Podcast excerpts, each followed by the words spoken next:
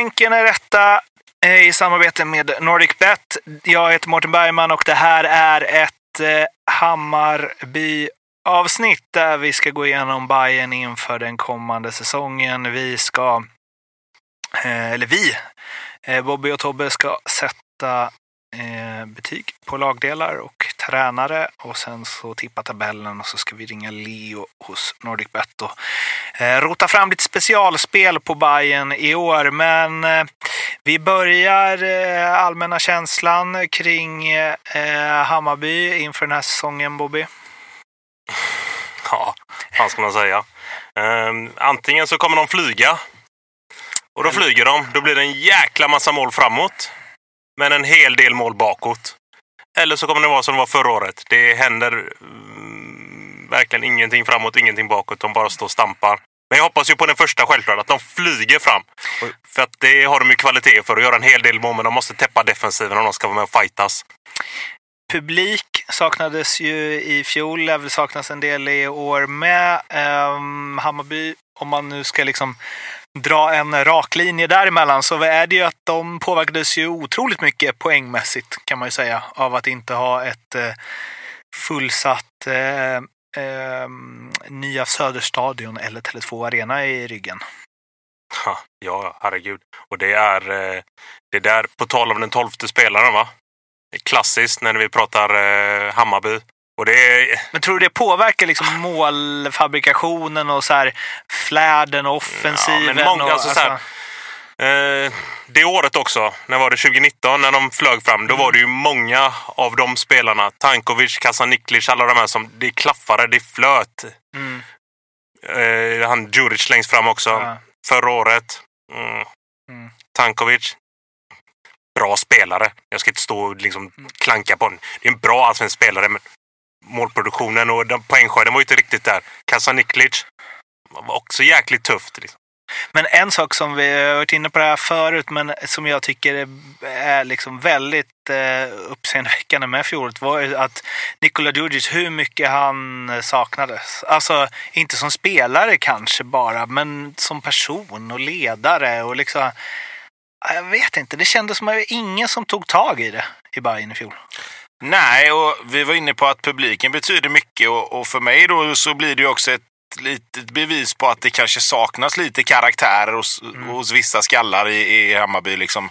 För att Eh, publiken betyder mycket. Ja, sen betyder publiken mycket. Det ska man aldrig säga någonting om. Det är klart att det är en jäkla skillnad att spela inför 25 000 eller spela inför noll. Alltså Mm. det, ska man, ha- det ska man ha klart för sig. Det är klart att vi, många lag Jag vet ju bara hur det ena är. Nej, men precis. Nu har jag ju gjort båda då, så jag kan ju jämföra. Men, men, eh, nej, men det, det är klart att det spelar roll. Eh, men att det ska spela så stor roll, det tycker inte jag. För att det är för många bra fotbollsspelare för att det ska vara sån skillnad från år till år.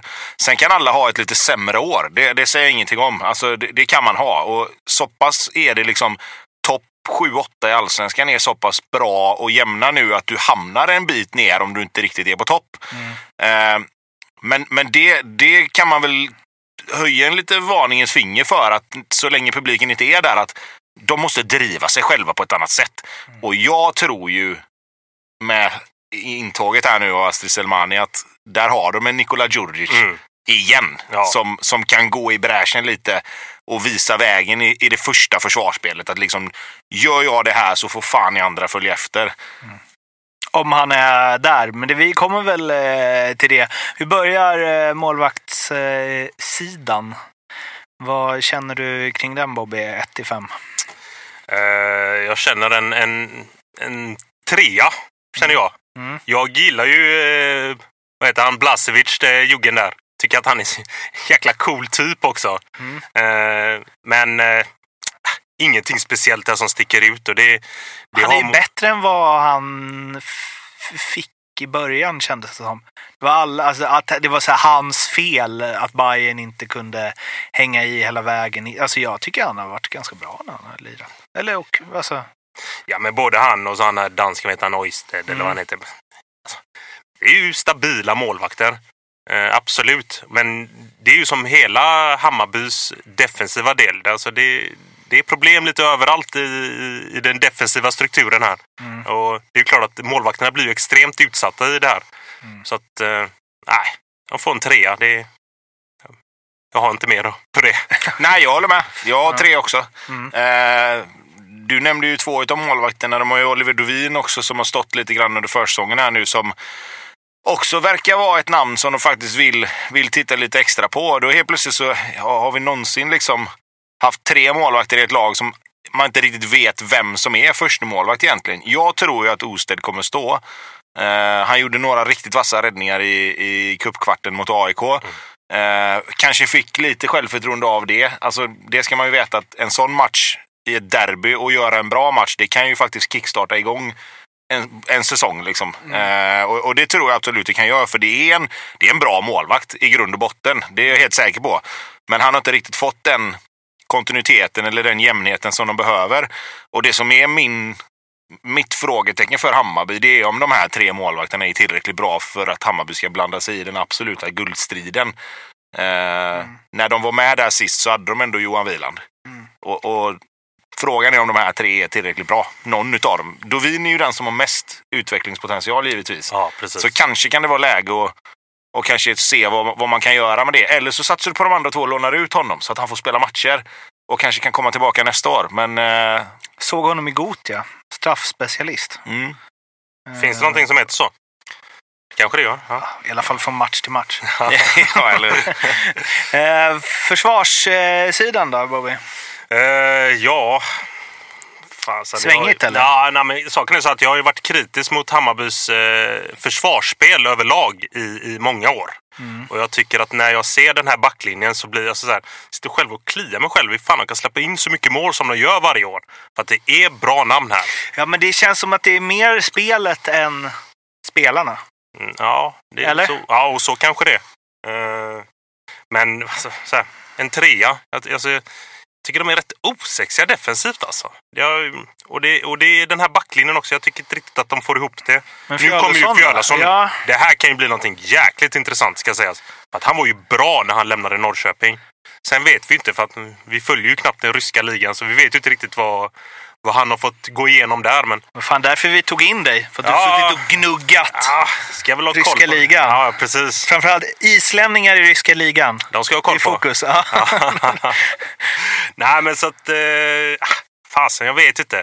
Han får väl komma in och försöka styra upp det här. Jag, jag är ju jäkligt förtjust i Mats Fenger. Men det är bara för att jag spelat med honom eh, när jag var i Randers. Men Det är en jäkligt fin, fin back, men sen det andra runt omkring. ah, Nej, jag har problem med det där. Alltså. Jag, Men jag, Sandberg då, som ändå ja, var... fin offensivt, absolut. Gör lite poäng, men han är blottad defensivt. Widgren. Jag fattar ju att de hämtade in den här nya från Mjällby här i somras. Alltså, inte alls bra defensivt. Alltså Nej. ursäkta, men Nej. inte alls bra defensivt. Vad säger du Tobbe? Nej, jag har, jag har faktiskt tre och en halv här. Vad hade du, Bobby? Ehm, Trea. Tre. Och det är väl lite grann, jag kanske går på lite det här att det är bra namn. För jag tycker ju att alla tre mittbackarna känns ju som bra namn. Du har Magyar, Fjolesson och Fenger. Eh, jag, jag tycker ju att eh, Jash var bra i Mjällby. Började okej i Hammarby, men lite så. Widgren, bra offensivt, sämre defensivt, precis som du sa. Jag tycker Simon Sandberg är han är helt okej tycker jag. Ja. Eh, jag tycker det är en, en, en stabil back. Liksom. Han, han, där vet du vad du får lite. Eh, jag hade ju tyckt att det hade varit jävligt intressant om eh, Hammarby hade börjat spela 3-5-2. Med tanke på de tre mittbackarna vi nämnde för att skydda ytterbackarna, ytter, wingbacksen lite grann. Och då skulle du dessutom kunna kasta in Rodic som är en spelare som skulle kunna gå till höger. Eh, För att då slipper du det defensiva ansvaret lite. Du har alltid en spelare innanför dig som kan täcka upp. Eh, du får in de här tre mittfältarna som kanske kan hjälpa varandra lite. Du har en jävligt fin fot och Ebojanic som kan vara lite skyddad också Men att ha två spelare som Khalili och Jeppe Andersen kanske är bredvid sig. Plus att jag tycker att Hammarby saknar de här naturliga jäkla yttrarna som de hade ett tag med Tankovic, Kakaniklic. Liksom, visst, Rodic kan spela där. Paulinho vet vi inte ens om Men han vadå, om lever du- än. Men Om du liksom en 3-5-2, vill du inte ha upp Sandberg då och bara skit i försvaret? Jo, men Mata absolut. in jo, men, bara. absolut. Ja. Men, då, men då kan du ju också kasta in Rodic. Ja, men jag tycker inte. Rodic är tillräckligt bra för att vara högerback. Nej, nej, Alltså, nej. Men, men det blir en annan position för honom då. Plus att det öppnar upp för mig för att spela Selmani och Ludvigsson samtidigt. Är det den spelaren i Allsvenskan som har högst diff mellan högsta och lägsta nivå? Rodic. Högsta nivån otroligt hög en gång var trettonde match. Men däremellan så inte så... Jag, jag ska vara helt ärlig, jag, jag ser honom för lite för att, för att se liksom Man hade de ju en jävla diffarna. svit när han gjorde mål i varenda Ja, nej, nej. Och, Och sen bara högsta nivån absolut. gav Det kan jag skriva under på. Jag menar, han kom ju in mot AIK och rörde inte bollen förrän bollen... Han drar det första... Bara tanken att okej, jag har precis kommit in. Jag drar en höger yttersida på ett tillslag här. Upp i bortre krysset. Det kan nog funka. Eh, nej, men jag tycker att, jag tycker att Verkligen det borde spelare. kunna vara intressant. Framförallt då när de har Fjolasen som har den vänsterfoten som han har. Mm. Att du får in den kemin och dynamiken i en trebackslinje som faktiskt behövs med en vänsterfot. Mm. Eh, och du får, alltså som jag sa, du skyddar de här ytterbackarna lite grann med tre mittbackar. För alla ytterbackarna egentligen är bättre offensivt än defensivt. Ja. Så att, eh, ja. Mm. Eh, mittfältet, där eh, måste jag säga att det är lite så här Jeppe Andersen som var så himla bra eh, för två år sedan, gick tillbaka lite i fjol. Bojanic som också var så himla bra, alltså hela Bayern gick tillbaka. Kalilia trampa igång efter ett tag. Aymar Cher, spännande, men det känns inte alls lika tryggt och givet som det gjorde för ett par säsonger sedan. Eh, och Tryggt och givet. Och kände, då tänker du på den offensiva biten då, för det är oftast den Nej, vi men också diskuterar. vilka, vi- eh, också vilka som skulle spela och liksom alla hade sina tydliga roller och så. Nu känns det lite som att man kan eh, slå sig in där liksom. Mm, Ja, ja och nej. Alltså, så här. Andersen, lagkapten, känns ju jättegiven. Hade inte alls, han var inte alls bra förra året, tyvärr. Mm. Han han gick ju tillbaka många, många hack. Och han är ju en viktig, viktig del i det här Hammarby-spelet. Speciellt i den defensiva biten med tanke på att de har ju åtta, nio spelare som vill framåt. Och då är han liksom en viktig balansspelare. Förra året var ju han inte alls där. Vilket gör att Hammarbys backlinje blir extremt blottad. Den- Och Jannik, alltså jag vet inte vad jag ska säga. Jag, jag, jag fattar ingenting om vad som hände förra året med honom. Mm. En av Allsvenskans överlägset bästa spelare 2019. Alltså Mm. alla kategorier. Det var ju ja, jag tror att den här 12 statistiktjänsten som eh, är jävligt eh, bra. Där var ju han, hade jag tror han näst bäst betyg av alla efter Christiansen 2019. Ta den 20, 2020 då så får vi se vad han är där. Exakt. Mm. Mm. Det, var, det var ju nästan hemskt att se. Och nästan klassiskt att se på honom. Man hör historier om grejer. Nu ska inte jag sitta här och outa honom. Det blir ju så jäkla korkat. Men det finns ju historier där ute om att han är lite, lite lat och lite, lite komfortabel i livet utanför. Vilket är, var ganska tydligt förra året. Han såg lite, lite mätt ut. Såg lite, lite fet ska jag inte säga. Det blir ju sjukt Han såg mätt ut. Ja, Mm. Ja, På alla exakt. fronter, liksom. Men det var också att han... eh, Han är ju en spelare, det här har jag eh, ordat många gånger, men som jag också tycker att Kacaniklic eh, var, eller är, men han är inte kvar. Som jag också tycker att Tankovic till viss del är. Men de, är, alltså, de åker med när det går bra. Kände du sambandet Men- där? Men det är Kände du sambandet där? Det de var har- mycket vitch och itch och allt flyter. Nej, jag skojar bara. Du driver. Nej, men så här. Ja. Men de var ju Hammarby, Ha- Hammarby Itch för ett eh, par säsonger sedan. Men det var ju liksom... Ja, Jag vet inte. Det är Boja, Bojanic, alltså fantastisk eh, talang och eh, också grym högsta nivå. Men det blir lite som du var inne på med Jeppe Anders- Andersen. Hans position är så jävla viktig, Jeppe Andersen. Så om han inte är bra, då blir det som att liksom det runt som så här kuggar i honom, det bara faller helt. Liksom. För alltså de var ju, var ju stundtals, de var helt vilsna i fjol, Hammarby. Vilket var så konstigt för man tänkte att de hade satt modellen helt. De hade kvar ungefär samma spelare och ändå så, alltså det var ju typ bara Djurdjic som var ett tungt tapp va?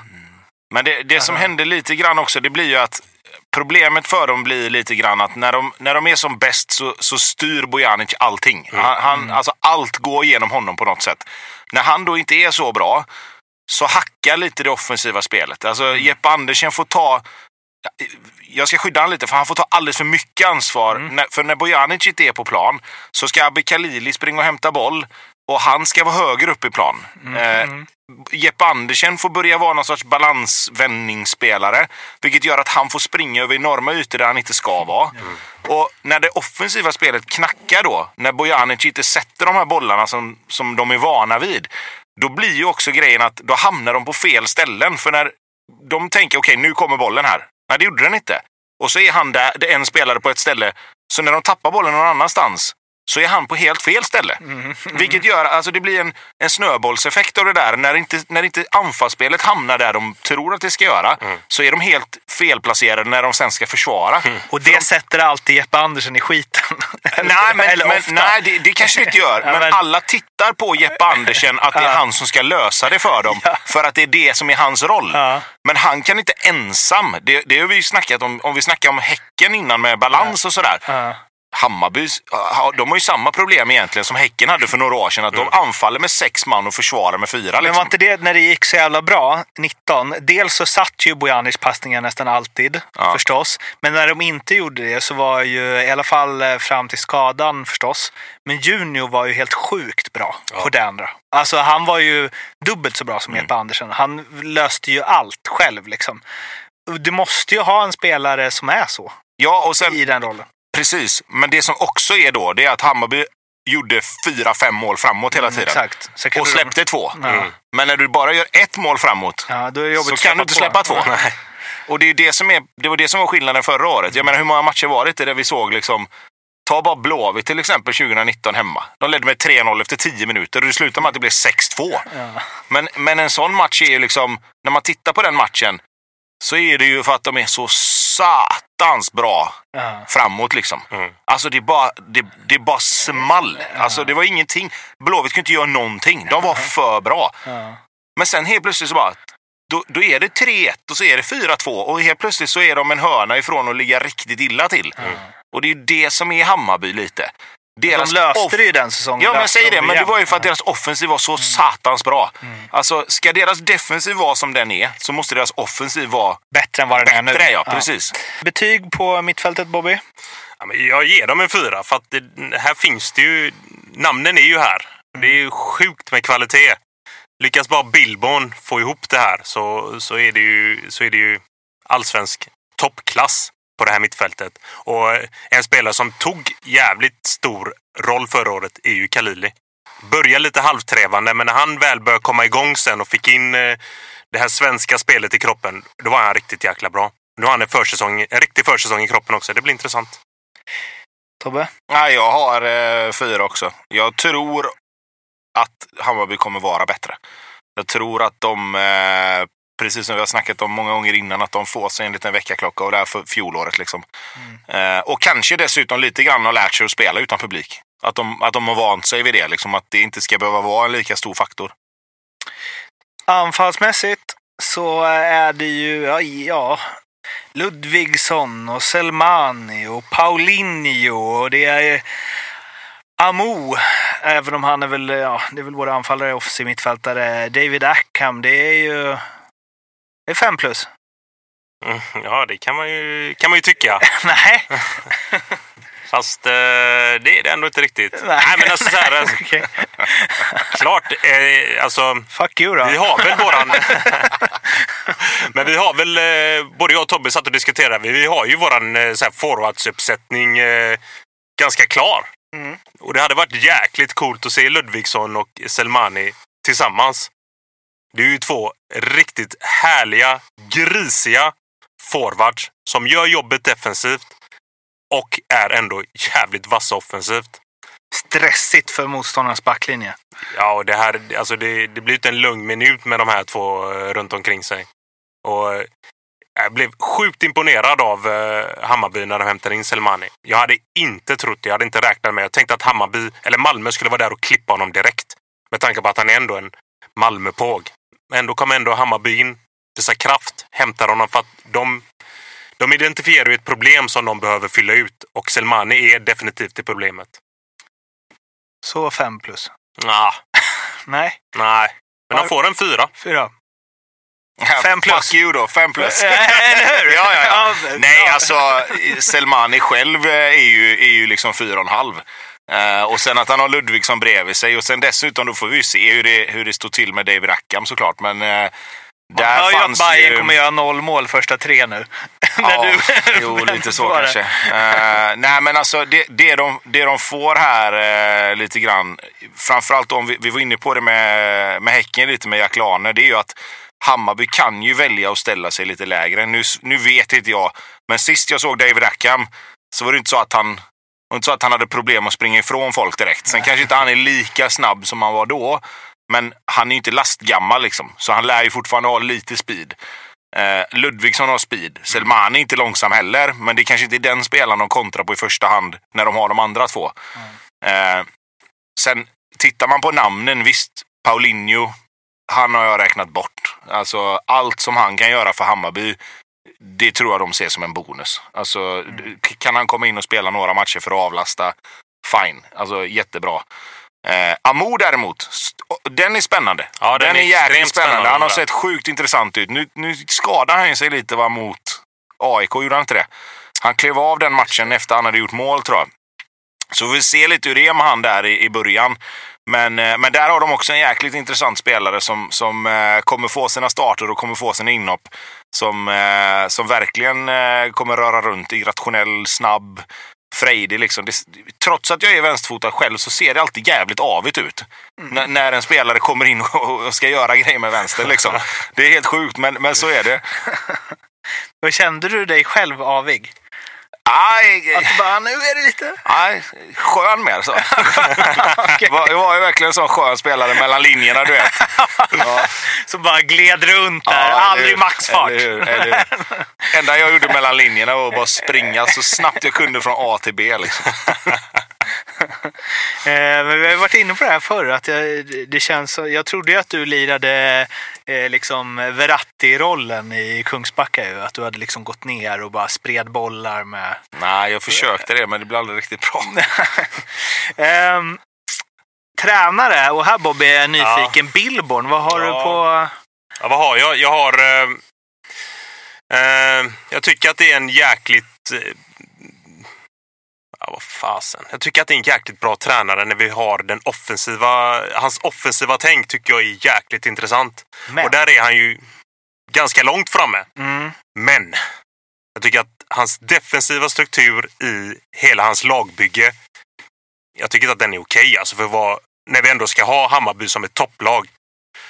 Uh, jag tycker att, och det är, ju, det är ju klart att han har ju sin uh, spolning bredvid sig, eh, Björklund, som ändå ska vara den där som ska gå in och styra det här defensiva spelet. Men jag vet inte fan hur mycket han har att säga till om där alltså, med tanke på att det ser ut som det gör. Och här har jag ju en nyckel i eh, Fjölason för att det kommer bli en jäkligt viktig faktor för dem. Och det var ju det vi diskuterade här med karaktärsspelare när eh, Nikola försvann. Nu fanns det bara Andersen där. Jag tycker inte att det fanns en enda spelare i det här laget eh, förra året som tog den platsen Eh, och var den här ledargestalten. Nu kom islänningen in med sin pondus. Nu har man Selmani med sin pondus. Så att förhoppningsvis nu så får de struktur på den defensiva biten för nu har man alltså hela vägen upp och hela vägen ner i sin defensiva struktur med jäkligt hårt jobbande forwards defensivt. Förhoppningsvis så hittar man balansen på mittfältet för det är där de kan vara jävligt sårbara. Speciellt när de spelar med Bojanic och det vet de om. Mm. Men då måste du ha en jävligt stark backlinje. Så att, ja, alltså Billborn för mig är en intressant tränare i sitt tänk offensivt, men jag tycker att han krigar något så jävligt defensivt. Trea. In och döda Tobbe. Nej, nej, Ja, nej. Betyget håller jag med om 100 procent. Ja. Eh, och, och resonemanget egentligen kan inte säga så mycket om det heller. Eh, jag tycker att han... Eh, jag tycker att han ska fundera på om de får ut så mycket av Bojanic som krävs för att spela med honom. För att han lämnar också enorma hål, som du sa, i, i försvarsspelet. Eh, ska du ha en sexa då, om vi nu pratar i siffror, så, som är den defensiva mittfältaren, eller vad man ska säga, som inte egentligen har en defensiv ådra i sig, så får han vara jävligt bra åt andra hållet. Eh, och då snackar vi liksom Pirlo, alltså den klassen på, Mm. på, på defensiva spelfördelare. Liksom. Eh, Och det var han ju 19. Jo, men jag säger det. Ja. Men, då, men, men då var ju också anfallsspelet på, på en helt annan nivå än, än vad det var förra året.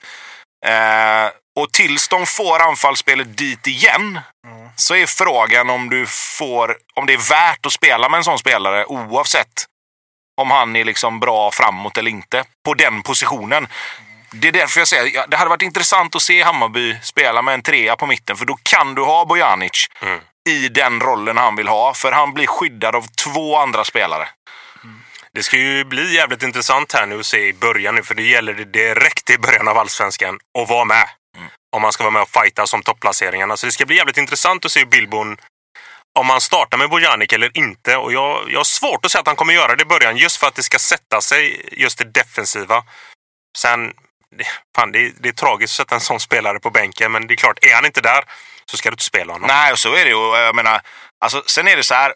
Form är ju tillfällig och klass är permanent. Liksom. Mm. Så är det ju ändå. Och Darijan Bojanic är en jävligt fin fotbollsspelare. Men han borde också fått sig en liten tankeställare med förra året. Att liksom, fan, nu har jag liksom... Jag var grym nu ett år. Men fan, utöver det. Det har inte varit så mycket mer. Alltså han har ju en säsong egentligen där han har varit överjävlig. Resten är ju ganska mellanmjölk ändå. Han var inte superbra i Blåvitt. Han var inte bra i Helsingborg. Ja, Ja, men var han det då? ja superettan var han ju. Ja, men då snackar vi superettan Ja, helt ja, plötsligt ja. igen. Då är vi där i det här syndromet att man får lite mer tid. De, du möter inte riktigt lika bra. Sen gjorde han 2019. Men där har han också lite satt standarden för hur bra han kan vara. Mm. Vi snackade om det när han- man blir bedömd efter vad man har gjort och han har gjort en säsong som var topp, topp, topp. Men han måste också någonstans fundera på varför det inte blev så. Det är som du säger, jag spelar med honom. Jag vet att han kan vara lat. Visst, då var han 18. Då hoppades man ju att nej, men han lär sig liksom. Mm.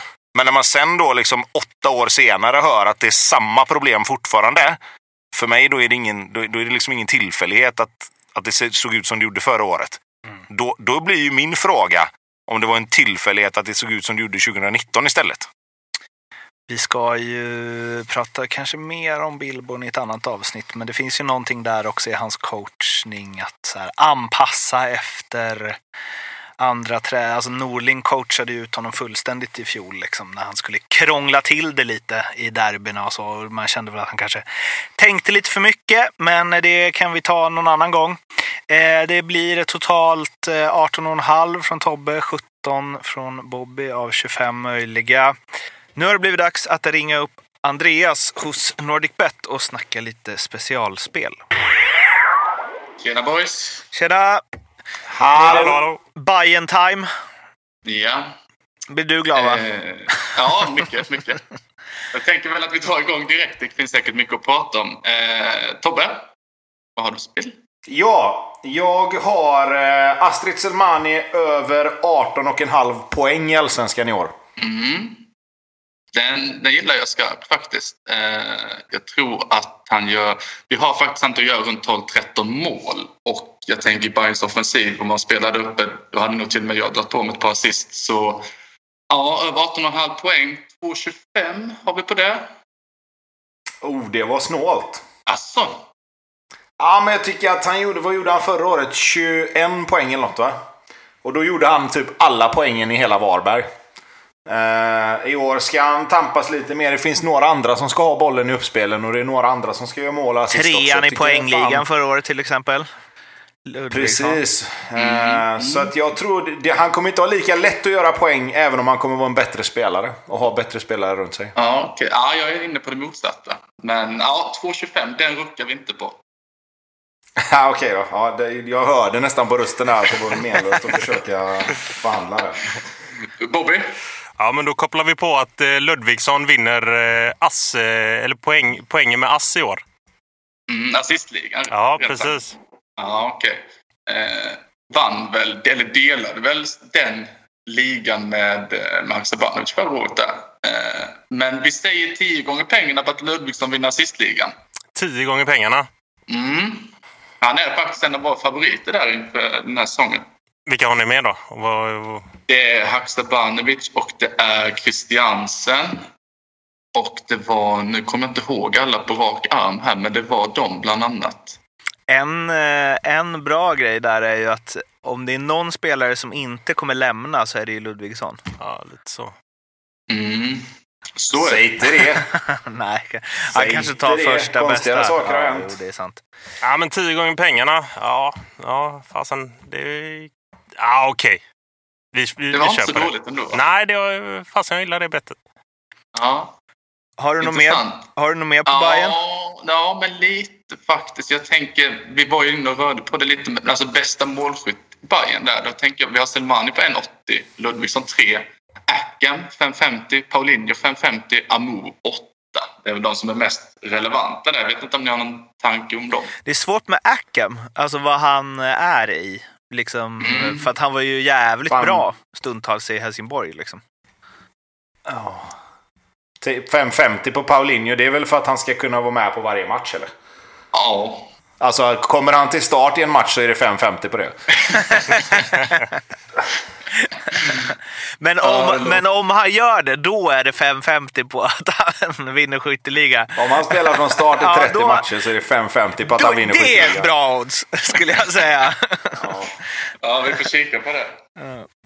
Vi kan ta bort de decimalerna på att han ska komma från sta- till start varje match i 30 omgångar. 550 gånger 5. Ja, Du får kika på det. Andreas. Ja, jag hör, jag hör. Eh, yes, eh, det här hittar vi hos Nordic Bet, antar jag. Jajamän, Nordic Bet, Love the Bet eh, och Ljugarbänken och så här specialspel. Där finner vi alla specialspel till, eh, till Allsvenskan. Gött, då hörs vi. Det gör vi. Hej. Ciao, ciao. Nej, Ha det fint! Det där var alltså Andreas hos Nordic Bet. Kom ihåg att spela ansvarsfullt och att du måste vara minst 18 år för att spela. Behöver du hjälp eller stöd så finns stödlinjen.se. Slutligen Hammarbys position i allsvenskan det här året, Bobby. Uh, ja, jag har dem som sexa. Jag, jag, jag- jag tror att de blir sämst i stan tyvärr. Eh, och det kanske man kan få en jävla massa skit för sen, men eh, det, de har ett intressant lag och de har någonting jäkligt intressant på gång. Men jag tror att det kommer ta lite tid och jag tror inte riktigt att de... De är inte där än. Så att ja, de, de blir sexa. Kanske sjua till och med. Fan, jag är lite där och vacklar även där. Men jag lägger dem som sexa för att vara jävligt snäll mot dem. Eh, jag har Hammarby som fyra och tvärtom då, utan att avslöja för mycket, så har jag ju dem som bäst i stan. Så Mm. att eh, jag tror att eh, Billborn har lärt sig från förra året. Och jag tror att han kommer att eh, anpassa sig lite mer i den mån att han kanske är lite mer cynisk i, i vissa laguttagningar och i vissa matcher. Om vi säger så då. Det var allt för den här podden. Eh, Vi finns på Instagram och Twitter. In där. Prenumerera gärna på podden också så blir vi glada. Och glöm inte att lyssna på de övriga lagavsnitten som slussas ut nu i dagarna. Ha det gott så hörs vi. Hej då! Hej hej! Hej hej!